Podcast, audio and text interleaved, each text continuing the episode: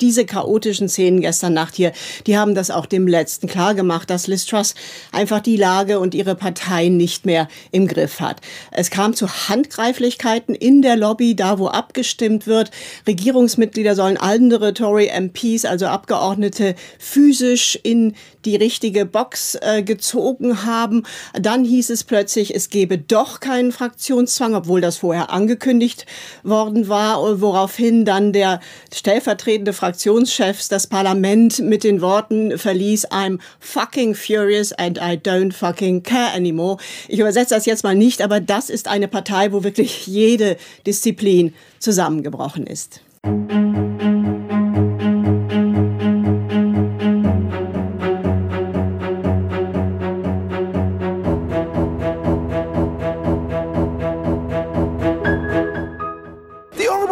Has got to learn the art of patience. And if he is patient, if he deploys Zen, he will find that it is ultimately to everybody's advantage. Hi everyone, welcome to the SRV podcast. My name is Armin Hakverdian. I'm a political scientist at the University of Amsterdam. You can follow us on Twitter at StukRoodVlees. You can follow me at Hakverdian or visit stukroodvlees.nl. You can subscribe to this podcast in whichever app you use, and while you're there, rate and review us, please. I appreciate it. All right, we have to do this. We have to talk about the end of Liz Truss's premiership uh, and about the shocking state of British politics with none other than Rob Ford, professor of politics at the University of Manchester. I've known Rob for a very, very long time, and I've rarely seen him so disgusted over anything. Uh, I think the last time was after the uh, 067 Ashes. Um, anyway, he was in rare form. Just so you know, we recorded the conversation on Friday afternoon, but I don't think anything happened over the weekend um, that makes the uh, conversation less relevant on Monday morning. So, buckle up. Here's Rob Ford.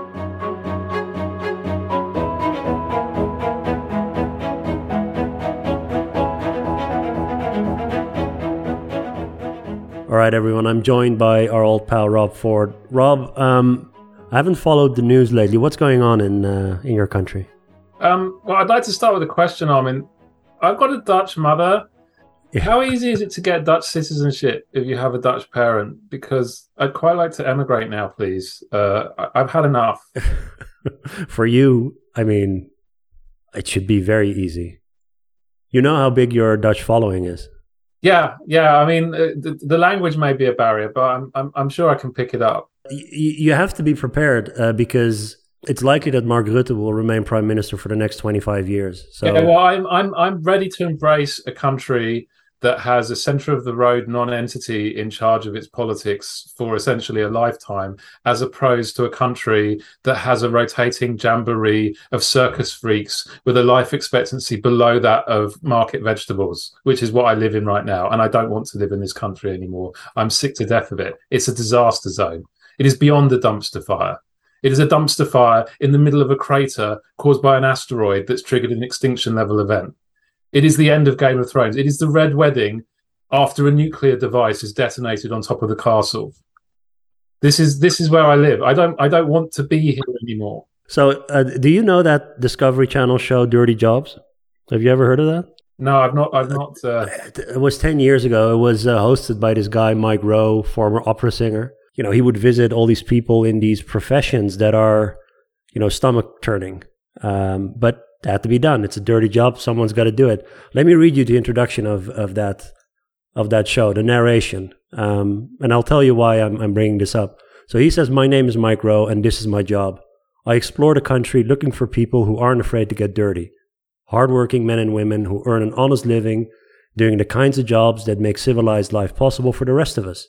Now get ready to get dirty." I feel like he should dedicate an uh, episode to us. To be honest all of these podcasts that we've been doing, I mean, I'm sick to my stomach reading the news about British politics, to be honest.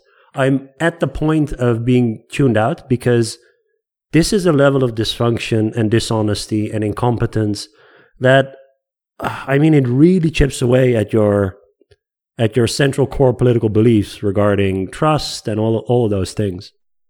Yeah, I mean, I I constantly in two minds, literally a split mind, as I watch this kind of disaster special uh, unfold in front of me. There's one part of me that you know, like the people who rubberneck uh, car crashes on the motorway, that there's a kind of continual serotonin hit from this extraordinary theatrical chaos show that we're watching that kind of treats it as as fiction or entertainment. But then there's another part of me that keeps thinking this isn't fiction this isn't entertainment this isn't sky atlantic it isn't netflix. This is real life. And because of this ludicrous lurid technicolor soap opera that we have in place of a government we are not talking about the fact that the British health service is collapsing and life expectancy is falling and people are waiting 12 hours in an ambulance rather than getting admitted to a hospital. We are not talking about historical child abuse. We are not talking about the effects of COVID on education. We are not talking about the fact that all of the left behind Rust Belt places in this country that voted out of desperation for Brexit and then Johnson have seen absolutely zero improvement in the six years since and are now uh, facing a massive cut to their real incomes and a massive increase in their mortgage rates. We are not talking about any of those things because instead we are talking literally our headlines and the headlines of the New York Times and the headline of the Washington Post and the headline of the CNN is whether or not our prime minister could outlast a lettuce. The right. answer was, incidentally, she could not outlast a lettuce, and the lettuce was projected onto the side of the House of Commons yesterday, victorious let's get dirty, Rob. Let's um, because I usually I ask you whenever you have one of these crises, you you come on the air. Uh, I usually ask you how far back do we have to go to, you know, get at the root of this problem. I feel like ground zero is that stupid David Cameron tweet that people just keep bringing up every time and time again. It's the one where what was it again? Uh, Chaos choose... under Ed Miliband. The choice is Chaos, simple. Yeah. Strong and stable yeah. government with David Cameron or chaos under Ed Miliband. Uh, that that David Cameron government wasn't due to end until two years ago. Um, we've, we've had quite a lot. that is insane. Yeah, that yeah, right. I, I, I, actually trace it back even earlier than that, though that, that tweet deserves its place in, in infamy. And I think it's entirely appropriate that David Cameron will primarily be remembered for that particular uh, brain fart. Um, but it, it goes back earlier. What we what the coalition disguised uh, and what Cameron's leadership papered over was that the Conservative Party was already in 2010 uh, an alliance of very different warring factions. There were very big rebellions in the, the 2010 to 2015 coalition from the right wing of the party, particularly over Europe, but not only over Europe. But they didn't affect governance because Cameron had the kind of meat shield of Liberal Democrat MPs who would vote through uh, what the government wanted to do and protected him from his own party's right. Then, as soon as he was exposed to his own party's right when he had a majority government in 2015, he found he couldn't get anything done. So then he called a referendum thinking that would shut them up. Obviously, it didn't. Uh, a referendum on what topic? Uh, the, the, the matter of whether or not Britain would be a member of the EU. Uh, ah, right, that one. A yes. bit of a niche yes. interest, really. It hasn't really right. come up since. Um, mm. So that that then put pay to him and sent him off to his two million pound shed. Uh, Theresa May comes in discovers also that the party is ungovernable. They eject her. Boris Johnson comes in, discovers the party is ungovernable, ejects a bunch of MPs, replaces them with lackeys and lickspittles, gets away with it for two years because of COVID, and then discovers once again that the party is ungovernable. Uh, the only difference between the, the Truss administration and the administrations that came earlier is that Truss arrived at the point of ungovernability more or less on day one. But this party has been it, it's like the Republicans since the emergence of the Tea Party. There is a sufficiently large faction that is more or less completely detached from reality that they can veto any reality based policy without proposing a sensible alternative. Will they vote for tax rises? No. Will they vote for spending cuts? No. Will they vote for any reality based Brexit deal? No. Will they vote for any politician who's more popular than cancer? No. No, no, no, no, no, no, no. and there's enough of them that the Conservatives have no majority at all in the Commons. And because of that, another faction has emerged who are so thoroughly sick of the world of Nadine Dorries and Jacob Rees-Mogg that they will also vote down anything that they regard as, you know, essentially departing on a rocket ship from planet reality. So you've got these are the so-called uh, one nation. Uh, yeah, so you've got action, right? You've got vetoes against. You've got an effective parliamentary veto against any reality-based policy, and you've got an effective parliamentary veto against any reality-departing policy. Meaning, you've got a government that that can command confidence. It won't lose confidence votes because these people don't want to vote themselves out of existence, but can't do anything. And that's actually been a situation that's been building since 2010. So that's how I would trace it. Yeah. So when you came on for the very first time, when we talked about uh, Brexit, I think it was, I think it was episode fifteen of the podcast or something. Um, when we uh, talked about the roots of Brexit uh, and the reasons why Cameron called that referendum, one of the points you raised at the time, but one of the reasons was to um, settle internal Tory politics. Uh, you had this fringe group of radicals um, but what is interesting to me, and the same with the Tea Party, is that this group of, I mean, truly fringe radicals, slowly but surely has maneuvered into the very center of power. Is that all because of Brexit?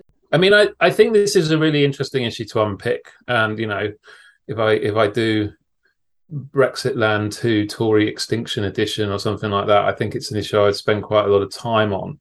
Because it's it's interesting in that I think a similar kind of dynamic played out in the Conservative Party under Brexit, as had been playing out in UKIP before Brexit. What you had in UKIP right from the beginning was a voter base that was nationalistic, protectionist, anti immigration, um, intolerant of cultural change and, and outgroups, but on economic issues, broadly statist and centre left. They were poor people who who came from places that were in trouble and they wanted more investment. Johnson was right in terms of his diagnosis via the levelling up agenda in terms of what these kinds of voters wanted. But what you saw in UKIP first of all, and then even more so in the Conservative Party, was a bunch of activists who reinterpreted this electoral uprising through the lens of their own ideological obsessions. So they imagined, both the, UKIP activists and the Tory activists, that what these people really wanted was tax cuts and regulation cuts. That what they really wanted was Singapore on Thames and Britannia unchained. That what they really wanted was for Britain to become some gigantic and damper version of Texas. It was bollocks. It is bollocks. It always will be bollocks. But these people successfully attached themselves to the juggernaut, the electoral juggernaut of this genuinely discontented populist radical right vote, and then declared themselves to be the tribunes of what those voters wanted. Uh, and gradually, as you say, work their way into positions of power. Now, the, the Truss administration, all 44 days of it, is the culmination of that narrative. These people finally had all the power and they could do exactly what they wanted with no restraint. Britannia truly was unchained.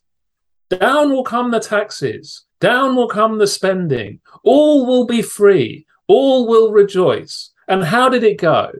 It went about as well as, you know, uh, lighting a cigarette in an oil refinery.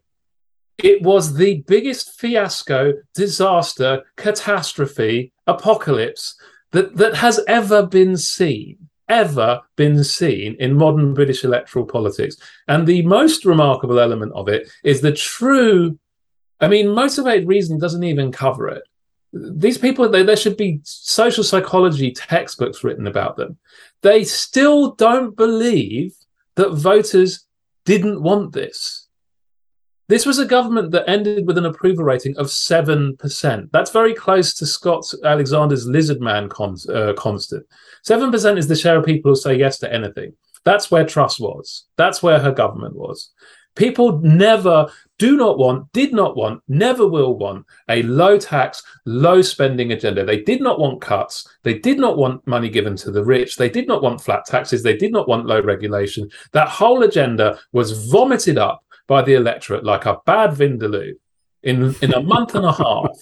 A month and a half, Armin. A month and a half. Italians are laughing at us for the longevity of our governments. And remarkably, somehow, the people that thought that this was all going to be a good idea are probably the most important players in the decision of who to give us next, which is why the great blonde gorilla is once again lumbering on to the smouldering ruins of the stage, ready to thump his chest and deliver what might be the coup de grace of conservative extinction if they're actually balmy enough to give him the job. Wow. All right. We need to unpack, though, uh, this uh, economic agenda Be- because what I'm interested in is um, that during the leadership contest during the summer, uh, there was a lot of vitriol, and of course Sunak and and Truss, uh, you know, uh, no love lost, as they say. Um, but one of their more genuine policy disagreements was about the economy, right?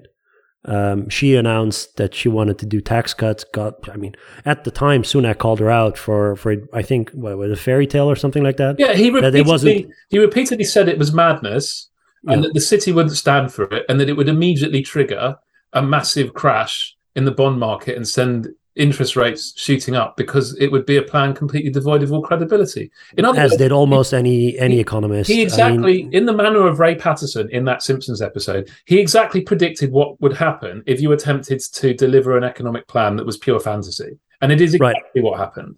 And did the Tory members care? No. Right, exactly. So that's where I was getting at. She was, I think, Sunak was more popular with the parliamentary faction, right, than Truss. Yes. Um, but she got elected because in the final, between the final uh, two candidates, it's the membership who decide. Yes. Uh, so are we right in concluding that the Tory membership are actually in favor of this sort of libertarian supply side agenda, or it's this is a self inflicted wound of a type that you know is unprecedented, but it was announced, and we knew who Truss was. We knew who our allies were. We knew what Kwarteng wanted. It couldn't really have come as a surprise that they did. No, um, but I think I would wouldn't want to be too hasty to saying in, in saying uh, that conservative mem- even the conser- I mean we know that the conservative electorate was was not and is not in favour. Right. No. No. I mean uh, even the, if we limit ourselves to members, I think it's yeah. a more complicated story than that. So point number one, yes, they are more ideologically right wing on this kind of stuff than conservative voters are, though less so than conservative MPs are. But point number two, that was not the only factor informing their vote choices in this election. It wasn't a straight up and down referendum on Trussonomics. Mm-hmm. Uh, another factor that weighed very heavily with Conservative members, and we are seeing it manifest itself again, is a strongly partisan, personalistic, tribal loyalty to Boris Johnson. These were the last people left in the room who thought Johnson was a good prime minister and should carry on. Not all of them. Probably about uh, 60% of Conservative members thought he should go. He didn't even have a majority support there. But there was a substantial minority who were like, no, he's good. Keep him. Uh, they weren't necessarily ideological Trussites. Johnson clearly wasn't, in the way that he governed, an ideological Trussite. So Truss, this is once again the same process, the sort of Dan Hannan brain blender process, right? UKIP voters vote for UKIP. Into the Dan, Hannan brain blender it goes. UKIP voters are actually voting for Singapore in, on Thames. Brexit voters vote for Brexit. Into the Dan Hannan brain blender it goes. Brexit voters are actually voting for Singapore on, on Thames. Conservative members vote against the person they feel knifed the prime minister they like into the Dan Hannan blame blender it goes, they're actually endorsing Trussonomics. No, they weren't necessarily doing so at all. A lot of them just really disliked Sunak for being one of the guys who brought Johnson down, so they didn't want to vote for him. Um, so I don't think it's as, it is the case that they're more in favour of this kind of ideological agenda than the average voter, quite a lot more. It is not the case that they had the kind of staggering enthusiasm for it that many have trusted. Right. No, I mean, I mean, as you said, the uh, so lowering taxes and cutting spending and all of that is extremely unpopular in, in public opinion, as it is in many countries. Yeah, and I mean, the, in the UK context, in particular, uh, it required uh, a kind of cultish level of detachment from the realities of the public sector to imagine that there were some sort of massive public spending cuts out there that could be achieved easily and that the public would cheer you for. We've, we've had real terms cuts in budgets to everything except health and international um, uh, aid for, for 12 years. 12 years. You know, that's schools, that's roads, that's courts, that's the police, that's parks, that's all the stuff people use and like that it exists. There are no easy cuts there. And as for health, well, we've just lived through a pandemic and we have the worst performance statistics on any aspect you, you care to pick. One person in seven in this country, Armin, is on a freaking waiting list for health treatment. One person in seven. Yeah. And you're like, and as Jeremy Hunt was a few days ago, oh, well, you know, NHS cuts need to be on the agenda. Really? You want to sell that to the one person in seven on uh, waiting lists? You want to go down the queue of ambulances waiting to admit someone into a hospital and say, guess what? You need to do more with less. Good luck with that message. You know, not not to be more of a bummer, but but as many people have been pointing out, winter is coming. The worst is yet to come. No, so I mean, it really it.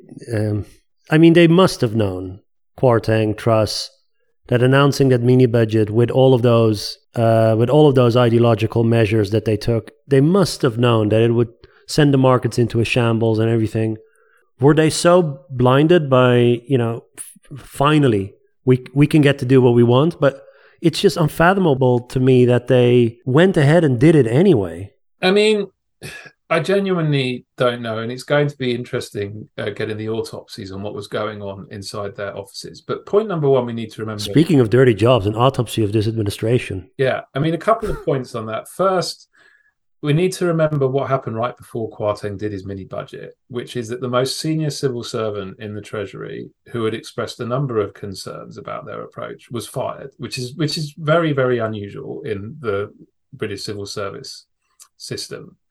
So they took someone who had decades of experience in the civil service, in the Treasury, who was widely respected by his peers, who was saying, "Steady on, guys. I'm not sure about this," and they said, "Don't want to hear from you. Goodbye."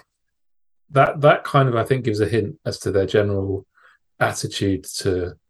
It's very on message for the for the way that they've been. Yeah, uh, their wing of the party has been but dealing then, with so-called dissent. Yeah, yeah, but then in terms of interpreting whether they knew what was coming or not, I'm not even sure which is the more alarming and depressing interpretation. On the one no. hand, that they were so ideologically blinkered that they genuinely thought that this would be greeted with the popping of champagne corks in the city and that there would be some sort of massive unleashing of growth when unspecified red tape was cleared out of the way and and I don't know, people were left to die in the street or whatever it would be that they had in mind for the public sector. Um, or the alternative that they did know that this would yeah. precipitate some sort of an economic crisis and that they would use that crisis to sort of force down public spending to deliver the sort of small state economy that they want on the basis that they thought the only way that they'd be able to overcome resistance to spending cuts would be to precipitate a crisis. I genuinely don't know which interpretation I find more alarming, but with with regards Truss, I don't think anything that she's done or said in public suggests she has even a basic understanding of economics, which doesn't point to the Machiavellian option. Right. For example, she didn't understand that government bond markets have implication for mortgage interest rates. This had to be explained to her several times at length. That's a really basic point. As with Kwarteng, I read Kwarteng's book, um, Ghosts of Empire. Kwasi Kwarteng is a friend of mine academically. He's a great writer who makes many nuanced points. Uh, one of the main arguments in that book is it's a really dangerous situation to plonk inexperienced Eton graduates on top of large governance units and then get them to do radical experiments with no accountability. This happened many times in the empire and it generally didn't end well. He literally wrote a 400 page book saying, don't put inexperienced people in charge and let them run experiments unaccountably. It's bad. It leads to bad outcomes. It's a shame that 2022 Kwasi Kwarteng didn't go back and reread the book published by 2012 Kwasi Kwarteng. Well, maybe Ghost of Empire was written by Ghostwriter. I don't know. okay, Kwarteng um, is uh, the sacrificial lamb. The mini budget, you know, is is not well received, put it mildly. Then Hunt comes in, and from the outside, it looks like he takes over government. Yeah, he did. Right? I mean, Truss is basically like a sidekick. Yeah, he binned off the him. whole agenda. He binned off the entire agenda that Truss had run her leadership campaign on, uh, and then it it it took three days for us to get from her agenda is dead to she is gone.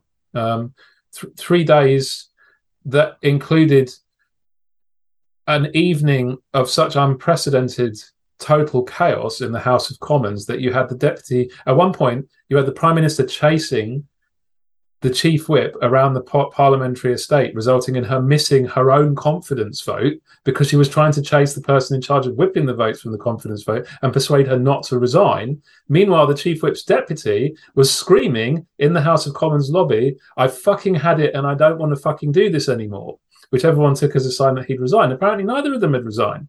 And all of that happened because in the morning, the government said, you must vote for this. It's a confidence vote. If you don't vote for it, uh, you're, you're essentially bringing the government down.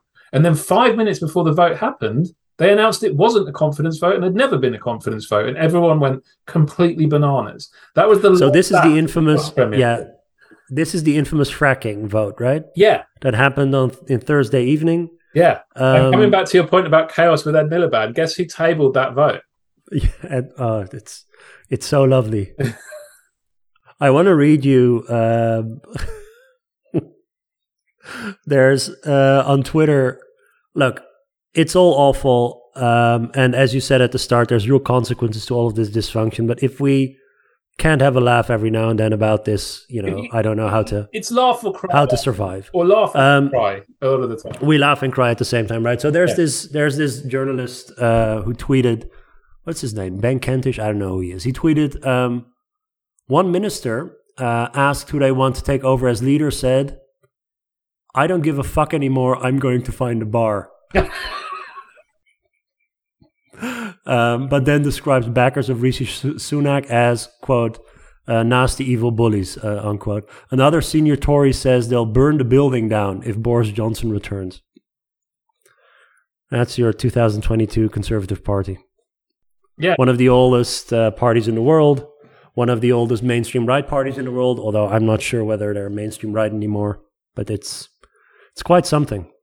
Yeah, I mean, right now, literally half an hour before we had this conversation, I was watching the BBC's main lunchtime politics show where they were debating whether or not Boris Johnson, the Prime Minister who departed in disgrace less than three months ago, following a year of constant raw sewage output in the form of scandals, incompetence, U turns, disasters, lying, corruption, idiocy, clownishness.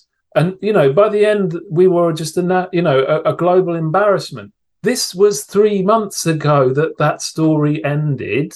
And today I was literally watching serious people who apparently have brains and are conscious arguing that the way to restore this was the exact question put to them the way to restore unity to the Conservative Party was to elect Boris Johnson as his leader again. The clown prince, the great laughing pudding that we spent a year trying to get rid of, being brought back in the name of unity. Unity, yeah. Unity. Rob, you wrote a fantastic uh, thread on Twitter, which is going viral. I'm very proud of you. I mean, you've been on fire on Twitter lately, uh, anyway. So uh, you know it's it's great. But um, towards the, I mean, you're summarizing the thread. I won't go through the entire thread, but um, you write. Um, so the idea of uh, bring back Boris has only a few small flaws. One, he isn't popular. Two, he never was. Three, he can't govern. Four, he can't unify. Five, scandals and chaos follow him wherever he goes. And enough conservative MPs know all of this to leave him unable to govern from day one. There you go. And all of those points are elaborated uh, in the thread and in your book. I'm actually quite proud that uh, in our uh, previous podcast, the one we did a month ago when uh, he actually, you know, following his resignation, um, we talked about that sort of electability, quote unquote, of Boris Johnson. That's a complete farce, that it isn't grounded in reality or any empirical fact. Um, but should any of our listeners want to uh, read uh, read that back, follow Rob. Um, that um, thread is awesome. Hey, speaking about Twitter, this poll came out. I, do you know this company, People Polling? Uh, yeah, that's uh, the company um, co-founded by um, my former co-author Matthew Goodwin. Is it a reputable polling firm? Can we can we use the results on air? It's it's new. Um, uh, obviously, like you know, um, I have my views on um, some of Matt's recent views and so on, but uh, they're registered with the British Polling Council. Okay. Some of their results look a bit outlandish, but I don't think I don't think that they're methodologically unsound or anything like that. I think they're trying to do the right things in the right way. So I think they're quotable. Okay. Good. Yeah. Let's then uh, because let me. We're doing this via Zoom, obviously. I want to share the screen and show you a word cloud. Um, I think I'm going to enjoy this. And uh, you, you know, you walk us through that word cloud because what this polling company asked the respondents is what word or phrase first comes to mind when you think about the conservative government? And um, the results are um, interesting. Okay, listeners. Well, the first thing to tell you is that many of the words have asterisks in them because this is a family uh, show and a family polling company. So there are ones that begin with C, there are ones that begin with S, there are ones that begin with T. I'll leave you to figure out what they are. In terms of language that can be used uh, before um, the, the watershed, we have the largest word is shambles. After that, we have incompetent, useless, rubbish, shambolic, chaos, chaotic, corrupt, scum, liars, idiots, selfish, poor, untrustworthy, hopeless, pathetic, brewery, presumably relating to the organization of piss ups, uh, disastrous, disorganized, disconnected. I'm actually struggling. There, there isn't a positive. There is not a single I can't single positive. positive word. I mean, there are some neutral words. I mean, one person wrote down vote, or at least not one person, but but a cluster of people. Someone wrote trust, but presumably that wasn't the only thing they said. Someone. I feel yeah. I feel like you went. Oh, the Muppets are nice. I like the Muppets. I'm not sure I want to be governed by them, but they're nice. The the words with the stars that are censored. I lived in the UK for for a while. The ones with S are uh, shit and shite, right? Yeah, yeah. Okay, good. Yeah, yeah. there's stuff. one. There's one C three stars S. That's the C word. I'm not going to use that one. There's a C two stars P. That's crap. Yeah. There's there's, there's W T lots of stars S. That's wankers. There's P, okay, good stars. That's piss.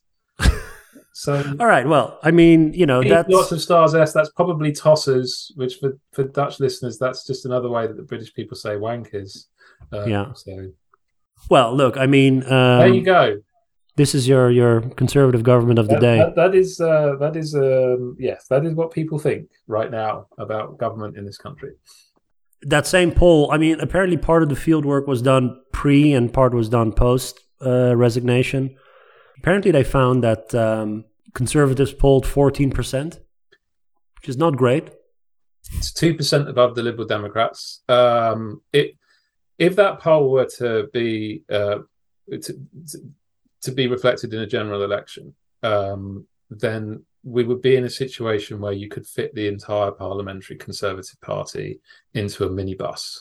Um, yeah, it would be. It would be. It would be like the 1993 when the Canadian Conservative Party essentially disappeared. It would be, you know, the dinosaurs when the meteorite arrived. It would be extinction yeah. event. Extinction yeah. level, yeah. Yeah. A couple of other trivia tidbits um, that I pulled from uh, Twitter. When Liz Truss leaves office, there will be seven living former prime ministers for the first time in British history. Mm. How's that? Good trivia, isn't it? Yeah. It shows that both of we've been electing young prime ministers for a while, as well as a lot of them. Uh, yeah, that, so the recipe for breaking that record is elect young, incompetent prime ministers. Yeah. Well, I mean, yeah. the, the, we could end up with another another one or two ex prime ministers before this government is done. We might have a full football squad, depending on how things go with Labour. There's three former prime ministers in the House of Commons for the first time since May 1983. Who were the three former prime ministers in the House, Rob, Ooh, in May a good 1983? question. Is that a good pub quiz question? Callaghan it was either Callaghan, Wilson, and Heath, or Callaghan, Heath, and Macmillan. I'm not sure where Macmillan went. He stuck around for quite a long time, but it's, it's one of those two combinations. Here's another trivia. Liz Truss is the only PM uh, to not have an episode of Doctor Who aired during their primary show since the show began in 1963. See, this is going to be the pub pub quiz question. Uh, well, there'll be two pub quiz questions thirty years from now. One will be why was why were people talking about lettuce in October 2022? The other will be which prime minister served two monarchs but never served a doctor. Right. That that yeah, I mean, I think it is going to be a, a genuinely good um, pub quiz. I mean, maybe not 20 years, but certainly 30 or 40 years from now. Um, who the prime minister was during the passing of Queen Elizabeth? Hmm. Because people will forget she ever had the job. It'll become like one of those weird, you know, Yeah. like one of those weird nightmares you have when you got flu, uh, and all that's left is kind of a vague sense of unease. Yeah. Hey, that Doctor Who tweet, by the way, because twitter.com is the best and worst website in the world, there's a reply that says, um, please stop sharing this dangerous disinformation. Uh, Doctor Who BBC Centenary special will air this Saturday. And she, since she is remaining as PM for seven more days until the new leader is elected, this is not technically correct. Well, there you go. There you go. Good on. She good will on- have one special, Doctor Who special under her belt. Good on the BBC for making sure that Liz Truss did at least get to get a Doctor Who episode. I, I think that's truly patriotic service at its finest. Here's another one. Believe by Cher was number one in the UK for five days longer than Liz Truss was prime minister. Arsenal, Arsenal were unbeaten for the entire term of Liz term, Truss's term in office. Liz Truss's term in office was also shorter than the period she spent campaigning for being prime minister. She spent more time trying to persuade Conservative members to make her prime minister than she spent actually doing the job. So what's next? Uh, so first, procedurally, what's next? Good question. Good question. Because the, the other question makes me want to be like that guy on the Fast Show and just start screaming black, black, black death and run away. Um, no, procedurally, what's next is Sir Graham Brady, who is the kind of Vince McMahon of the Conservative Party Royal Rumble, had to decide on the rules for the latest cage fight. Um, and he announced those yesterday. Uh, essentially, there will be uh, nominations close on Monday. You need 100 nominations to be on the ballot paper. And given that there are only 350 something Conservative MPs, I forget how many have lost the whip or been ejected, um, but it's something, something like that. What it means is there can be a maximum of three candidates on the ballot paper. There will then be a round of voting to eliminate one of the three, leaving two. There will then be what is being called with ominous historical overtones, an indicative vote uh, to decide. So, because one of the things that Conservative MPs have convinced themselves of, uh, in the face of essentially all the evidence, is that that things went wrong because the, the members didn't realise how much they preferred Rishi, because the final round of voting was still three candidates, and if only people had seen how much their MPs really like Rishi, none of this would have happened. So then there will be an indicative round of voting between the two final candidates on Monday. The losing candidate will then be invited, encouraged, pressured, screamed at, delete as applicable, to stand down in the name of, you know, uh, protecting what last shreds of dignity remain in the Conservative Party. If they refuse to, and bear in mind on this point that one of those two may well be Boris Johnson. If they refuse to stand down and wish to further humiliate their party and drag it through the mire, we will then get four days of online voting by Conservative members, the results of which will be announced on Friday. Now, you may ask, is an online voting process directed at people with an average age of around 70 likely to be secure and well governed and tamper proof? Well, indeed, you may ask that because the process last time was regarded as basically about as secure as a colander. It's not going to be any better this time. Um, so, essentially, we have a process that will culminate in one of two outcomes. Either sanity will prevail and the Conservatives will announce a new Prime Minister on Monday, or insanity will prevail and the members will announce a new uh, Prime Minister on Friday at the end of a process that is not, in any meaningful sense of the word, robust or secure or sensible. I I dread this next question, but who are the candidates? Um, let's start with the ones that don't raise my blood pressure. Rishi Sunak is back. Okay. Um, essentially, um, the he is now the meme from the Ray Patterson episode come to life.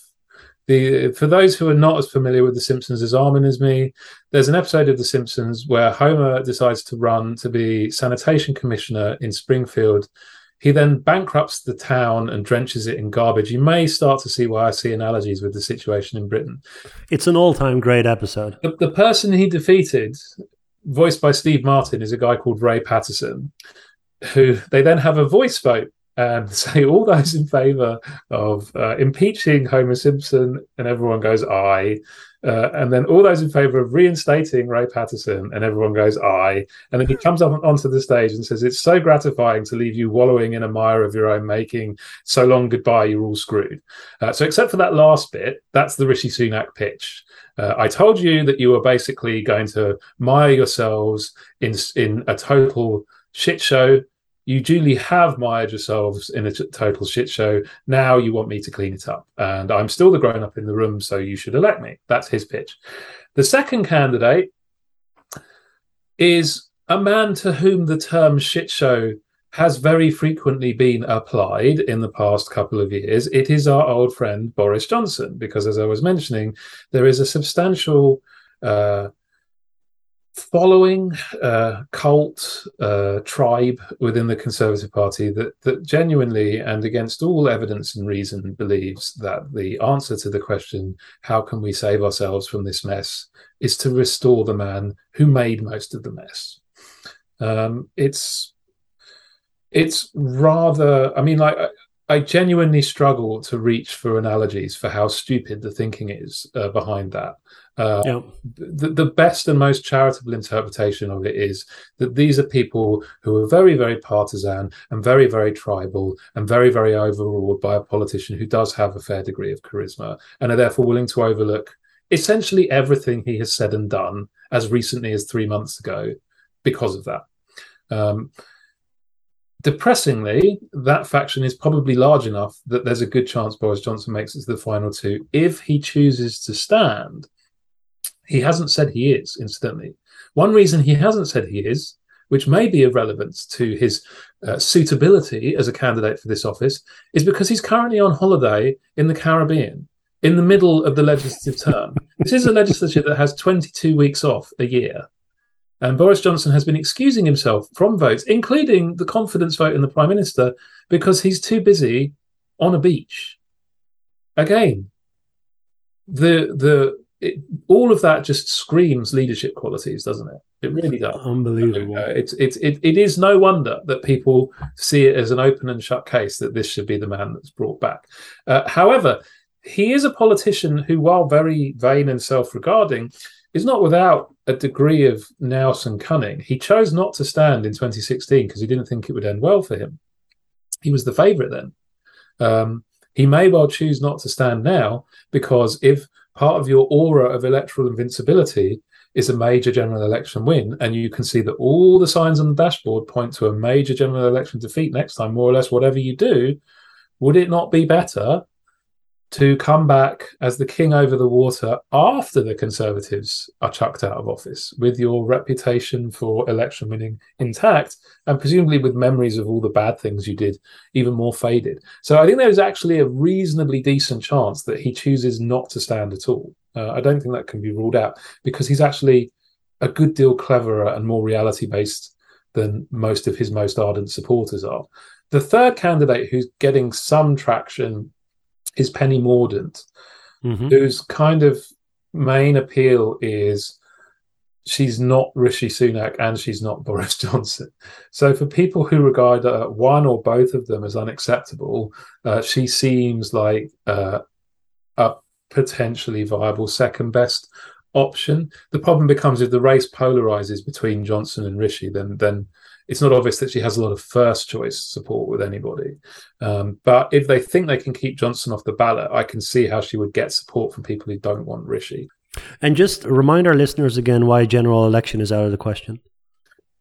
Good question. I mean, if they're Dutch listeners, I suppose it's not so unfamiliar. I mean, I, I, I know Mark Rutte has been prime minister since um, color television was introduced or something like that. Yeah, I mean, um, you know, he's been around. In theory, you could change your prime minister without it triggering a general election because anyone who can yep. command a, a, majority of the legislature can govern, and that that's our system. We uh, we we don't have elections until the end of a, ter- a term comes or until a government because we did used to have the fixed term parliaments act which we have discussed in earlier um, editions of this podcast i believe that is now gone uh, that doesn't exist anymore. So we're once again in a situation where a, an election can happen in one of three ways. A prime minister triggers one intentionally. Um, a prime minister uh, loses a vote of confidence, and therefore there is a general election. Or um, uh, we get to the end of a term uh, and an election is due and scheduled. Uh, I don't see any plausible state of the world in which, when the Conservative Party are polling 20%, a prime minister is going to see it as a bright idea to trigger a general election. There are situations in which enough Conservative MPs become sufficiently existentially angry with their party that they may bring it down in a confidence vote. I think that that's that second scenario can't be ruled out, but it isn't very likely. What about Tory MPs defecting? That could also happen. A lot of them, uh, well, I say a lot, a, a, a, number of Conservative MPs have already said that they would resign the whip on day one if Johnson uh, became Prime Minister again. Um, uh, once they've done that, then they can vote how they like, technically. So then they could potentially vote down the government in a confidence vote too. But remember, despite everything that's happened, the government does start with a substantial majority in the Commons. So you still do need to get above 35, perhaps 40, depending on what happens on the other sides of the aisle, Conservative MPs voting no confidence in the government for it to fall. And I don't think we're there yet. But you're right, an early election could happen at some point. But the scenario in which it happens is one in which 30 to 40 MPs are willfully voting their jobs out of existence. So it is still at the extreme end of the distribution of scenarios. Right. Rob, thank you so much for your time. As always, you know, I, w- I wish we could speak in uh, in better times. Well, I mean, there is one faint positive in all of this. It is definitely and quite drastically shortened the odds on a decisive outcome to the next general election, which was by no means assured given how far behind Labour start. There was, and still is, a wide range of election outcomes where you end up with a hung parliament and it all gets very messy and it's quite unstable. And the kind of, you know, clear, decisive government that Britain really hasn't seen for the better part of a decade now would would, would still not be possible. For example, if Labour needed SNP votes to govern, it would be a very unstable scenario. One advantage of the current government engaging in some sort of death cult effort to crater its poll numbers as low as possible is that it does increase the chances that we end up with a, a with one government with a healthy majority being replaced by another government with a healthy majority for only, incidentally, the second time in all of post war British political history. The only other time that happened was in 1970 um, uh, when Heath replaced Wilson. Um, so, uh, and if we got that outcome, then those of us who really have had enough of government by soap opera finally would get their dearly wished for return of boring politics. Uh, so that that thought will help keep me going in the coming months as I prepare my Dutch citizenship application. I will come pick you up at the airport. No way, don't uh, uh at the train station. I mean, don't take the don't take the plane. It's it's it's it's not that far. I'll be the first to welcome you and and your many Dutch groupies as well. um, follow Rob on uh, Twitter, everyone. It's at Rob Ford Mancs. Uh, thank you for listening, and uh, I'll uh, I'll see you next time. Bye bye.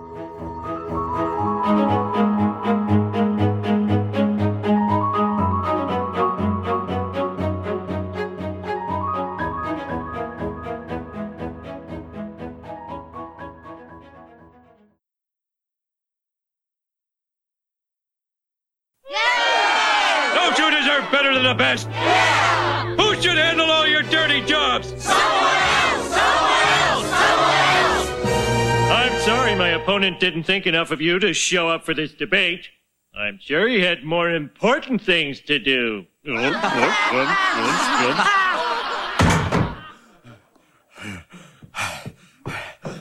Sorry I'm late, everyone. Somebody tampered with my brakes. Well, then you should have been early. He got you there, eh? Oh, come on, people. This man has promised round the clock trash pickup. That's impossible. Not if we hire more men. And my men will do all your messy jobs. They'll wash your car, scrub your shower, air out your stinkables. I can't believe what I'm hearing. Well, then you better turn up your hearing aid, Pops. Pops, I'm only two years older than you. Do we want old man Patterson here with his finger on the button? What button? What the hell are you talking about? What, what, what, what button? Where am I? Who took my false teeth? All right, fine. If you want an experienced public servant, vote for me. But if you want to believe a bunch of crazy promises about garbage men cleaning your gutters and waxing your car, then by all means vote for this sleazy lunatic.